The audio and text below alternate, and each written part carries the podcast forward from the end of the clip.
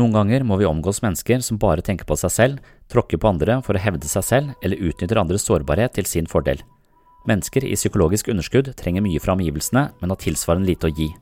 Dette kan føre til at de oppfører seg egoistisk og selvsentrert i en evinnelig kamp for å tilkjempe seg anerkjennelse, fordeler, oppmerksomhet, omsorg eller andre ting fra omgivelsene.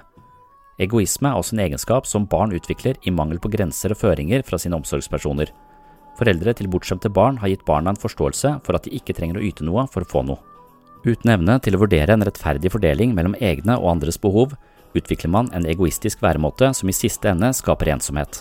Vil du vite mer om egoismens psykologi, og ikke minst hvordan man på best mulig måte omgås egoister eller håndterer egoistiske venner og bekjentskaper, kan du reise til USA eller høre episode 54, 94 og 95 på min podkast Sinnsyn.